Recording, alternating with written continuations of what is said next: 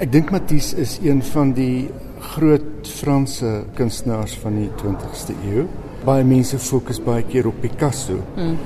Maar ek dink hulle is hulle is min of meer dieselfde tyd gewees. Maar Picasso het bekend geraak in die kubisme. Matisse wat ehm uh, wat nie vir die kubistiese ehm uh, koers gevolg het nie, het het baie meer met kleur en lyn gewerk. Agter ons is byvoorbeeld een van sy oudste werke, 'n skildery wat hy gemaak het van sy vrou in 1905. Die werk se naam is 'n uh, portret van Madame Matisse. Nou daarin kan mens ehm um, die vroeë Matisse baie duidelik raak sien die kleur. As jy daarna gaan kyk, daar's daar's omtrent nie lyn nie. Dis dis kleurkolle waarmee die en nou dit was die dit was die kenmerk van die fauwiste gewees. Hulle was 'n groep gewees wat uitgestel het in 1905 die eerste keer in Parys. En hulle het toe um, in die plek waar hulle uitgestel het, was daar ook 'n beeld van Donatello. En 'n kunskritikus het gesê in die plek waar hierdie skilderye, hierdie kleurvolle goed hang, is Donatello soos 'n uh, 'n enkeling tussen wilde diere. Ehm um, nou volf is die is die is die Frans vir wilde dier vir vir 'n 'n beestelike dier. En die en en die kunstenaars het so daarvan gehou dat hulle so genoem is en hulle het bekend gaan hulle het gesê maar dan is ons die volwiste. Dis waar die styl dan vandaan kom. Die die die sterk kleur wat half ehm um, oorweldigend is, die die dat dit die lyn begin oorheers. Mm. Dis tog as 'n ding want dis wat ek ken van sy werk, is daai absolute kleur, maar interessant genoeg het jy vir my van sy lynwerke daan die ander kant gewys wat wat potlood is nie mekaar. Das das potlood, das das etse ook by. Ehm um, die werk wat ons van Matisse ken is die later werk wat hy gemaak het na 41. Hy het hy kanker op uh, gekry in in daardie tyd en hy was ehm um, hy kon nie hy kon net sit of lê en dan het hy omdat hy nie meer kon beweeg nie, het hy op velle papier ehm um, kleur gouache op papier laat laat laat skilder. Hy het mense gekry om dit vir hom te doen. En dan het hy gewoon met 'n skerp gesit en sy patrone uitgesny en die kleiner werk het hy self opgesteek teen die teen die muur, maar as dit groter werk is, dan het hy hierdie hierdie um, patrone wat hy hierdie kleurpatrone wat hy uitgesny het, het hy laat opplak op of opsteek met kopspelde teen 'n bord vas. Nou daar is as jy as jy daardie kleur kyk en jy da, na daardie kleur aspek kyk en jy kyk na hierdie kleur van 'n vroeë werk soos hierdie 1905 werk, dan is die dan is dit die kleurwerk mm, wat mm. wat wat deurgangs ehm um, deurgeloop het. Want tog as mens deur sy werk loop, dan staan jy voor sommige werke en jy kan nie glo dis dieselfde mens nie. En, en ek weet ek het vroeër gelees ook dat hy en Picasso dink ek het begin as aardsvyande en later vriende geraak. Het hulle invloed dink jy gehad op mekaar se werk? Inderdaad dink ek was daar was daar die die Afrika ding het het by al twee groot rol gespeel. Want ek dink hy het vir Picasso bekend gestel aan die Afrika as ek dit Wel Afrika het Parys toe gekom in daardie ah. stadium en dit is waar en dit is waar hulle by by 'n uitstalling van van um, Afrika artefakte wat soos dit daardie tyd genoem is.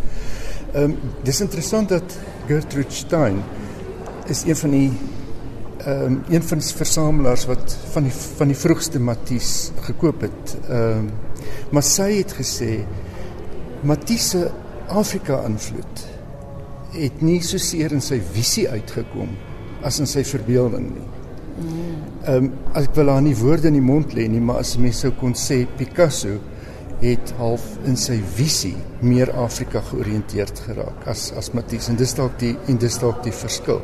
Op die ou einde dink ek het hulle dieselfde skip geverf net aan twee kante. Hier's beeldewerk ook. Is dit Inderdaad. Nou, hier is 'n klein beeldewerk waarna ons kyk, um, in brons met 'n met 'n glans donker patina op. In hierdie geval het hy gebruik gemaak van 'n foto van twee twee Tuareg meisies weer 'n keer kry jy glad nie die gevoel van wat Gertrude Stein gesê het van dit lyk nie na Afrika werk. Byvoorbeeld as jy na Picasso kyk, mm. die dis meer beïnvloed mm. deur Afrika, maar hy dit in sy eie in sy eie taal het hy dit gaan weergee. Kan ons gou oorstap dan na die lyntekeninge toe? Ons het vroeër na die lyntekening ook dis dis van gesigte, portrette. Portrette. En Jy het genoem dat as jy 'n foto van die persone langs aan gaan sit, sal dit net soos hulle lyk. Like. Is dit ook mense wat hy geken het? Dis dis mense wat hy geken het wat hy die portrette van gemaak het. Hier is byvoorbeeld 'n portret van homself. Matisse het gesê kleur is swart is ook 'n kleur. Dit was vir hom dit was vir hom 'n belangrike ding geweest. Dis nie net wat ons ken as kleur wat kleur is nie, maar swart is ook 'n kleur. En dan het hy um, baie daarvan gemaak dat uh, dat lyn, 'n lyn het hy gesê is vir hom die suiwerste uitdrukking van sy emosie. Ehm um, dis dis waarmee hy dis waarmee hy wou werk. En en daar kan jy dan sien in hierdie portrette hoe hoe evokatief dit is. Dit is ongelooflik hoe hy letterlik net met 'n paar lyne 'n gesig teken en soos jy sê dit lyk soos daai persoon. Daar is nie meer 20 daar is nie meer as 20 aparte lyne in daardie tekening nie. Maar dink jy nie dit maak 'n mens meer van 'n kunstenaar as iemand anders nie? Om daardie essensie vas te gryp. Wat hy gedoen het met daardie met daardie um, stenselwerk van hom. Jy moet dalk 'n bietjie fyner fokus om om te kan sien wat dit is, maar maar maar alles is daar wat hy hier met lyn doen, doen hy nie daar met kleur. Ons stap nou hier vir by 'n foto waar hy letterlik in sy bed lê en kuns maak. Dis reg, ja. En ek wil vir net 'n ander ene wys, daar oorkant. In sy reistool met die met die met die kleur met die kleurpapiere rondom hom. Ehm um, waar hy baie van die fotos waar hy waar hy, waar hulle fotos van hom geneem het, sien jy net hierdie skerwe kleur rondom hom lê soos wat hy die die papiere uitgeknip het. Hierdie is dan die 1947 werk ehm um, wat hy die boek saamgestel Jazz. Goed, na die, na sy siekte het hy gereken dis sy tweede lewe wat aangebreek het.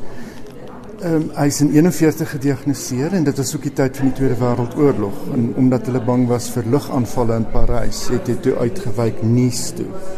En dis dan waar hy gewerk het en waar hy hierdie um, boek Jazz saamgestel het. Dit bestaan uit stenselwerk en dan is dit inderdaad jazz wat wat dit geïn, geïnspireer het maar ook ewe so dan sirkus of die ehm um, die die die uitvoerende kunste as dit ware. En as jy daardeur gaan kyk dan um, dan kry jy die gevoel van sirkus. Dis helder, dis dis groot blokke kleur ehm um, in die in die in die wonderlikste opgeruimde patrone dat jy nie kan dink dit is iemand wat wat siek is nie. Dis iemand wat siek is en dis in die in die tydperk van 'n wêreldoorlog. Dis, dis so in teenstelling dis, dis net na die wêreldoorlog. Mm, mm. Ja, guitige kleur. Ehm um, die een kleur wat my opval van Matisse altyd is die blou. Ja ja ja, jy's reg. En hy het gesê dit is die dis die dis die suiwerste voertuig. Die jazzwerk het hy beskryf as kromatiese en ritmiese improvisasies. So dis daar daar daardie gevoel wat jy uit die werk uitkry wat hy eh, wat, wat jy uit musiek uitkry wat hy in die werk wou wou weergee. Hoekom sou jy sê moet luisteraars die moeite doen om Standard Bank Galery toe te kom? Goed en wel ek weet dis die eerste keer dat dit in Suid-Afrika te sien is. Ek dink dis die eerste keer dat dit in Afrika te sien is. Ooh. En ehm um, verlede jaar het die uitstalling se naam was Cutouts. Ja. Wat in die tyd museum in Londen vertoon is. Dis die grootste besoekersstal wat die tyd nog ooit gelok het. Ja. Dit hulle het iets soos 560 000 mense gelok. Matisse is ek dink omdat sy werk so ongelooflik kleurvol is, dis guitig, dis toeganklik. Ehm um, dit praat met jou al al al al het jy nie agtergrond nie, al verstaan jy dit nie, dit dit praat gewoon met jou. Dis dis duidelik herkenbaar en ek dink ehm um, Matisse het 'n ongelooflike invloed gehad op die kunswêreld van die late 20ste eeu. So hier is regtig 'n 'n een in 'n miljoen geleenthede om dit te sien want dit ek meen wat se kans dat dit nou weer gaan kom.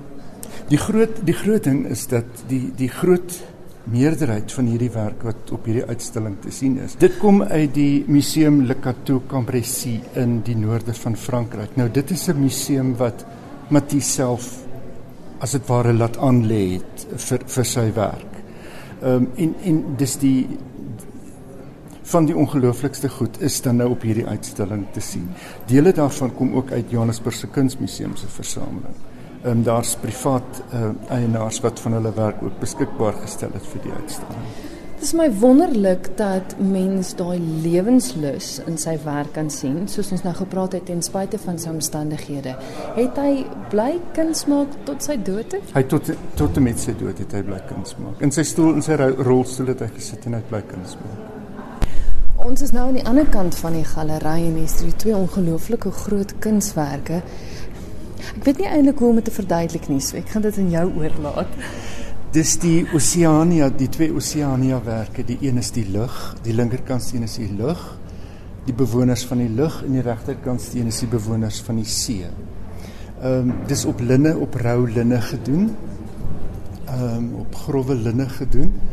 En dit is dan drukwerk. Nou dieselfde tipe van stenselwerk wat hy gedoen het, het hy ehm um, 'n sjabloon as dit ware gemaak en dit dan afgedruk op die op die linne. Nou die linne het 'n is 'n is 'n 'n amberkleurigheid aan tog nie waar nie. En dan so hierdie roomkleur afdruk daarop.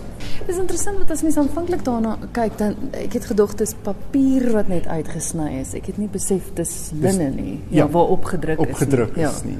Die drukkuns dink ek is een van die van die ehm um, van die as ek net nou gesê het dat hy 'n groot invloed gehad op die 20ste eeu se kuns, is dit drukkens was die een van die groot areas waar hy 'n besliste invloed gehad het. En jy noem dit was panele wat in sy woonstel was. Wel hy wel hy het van hierdie panele het hy het hy het hy rondom sy sy mure het hy daarmee as dit ware gepaneleer.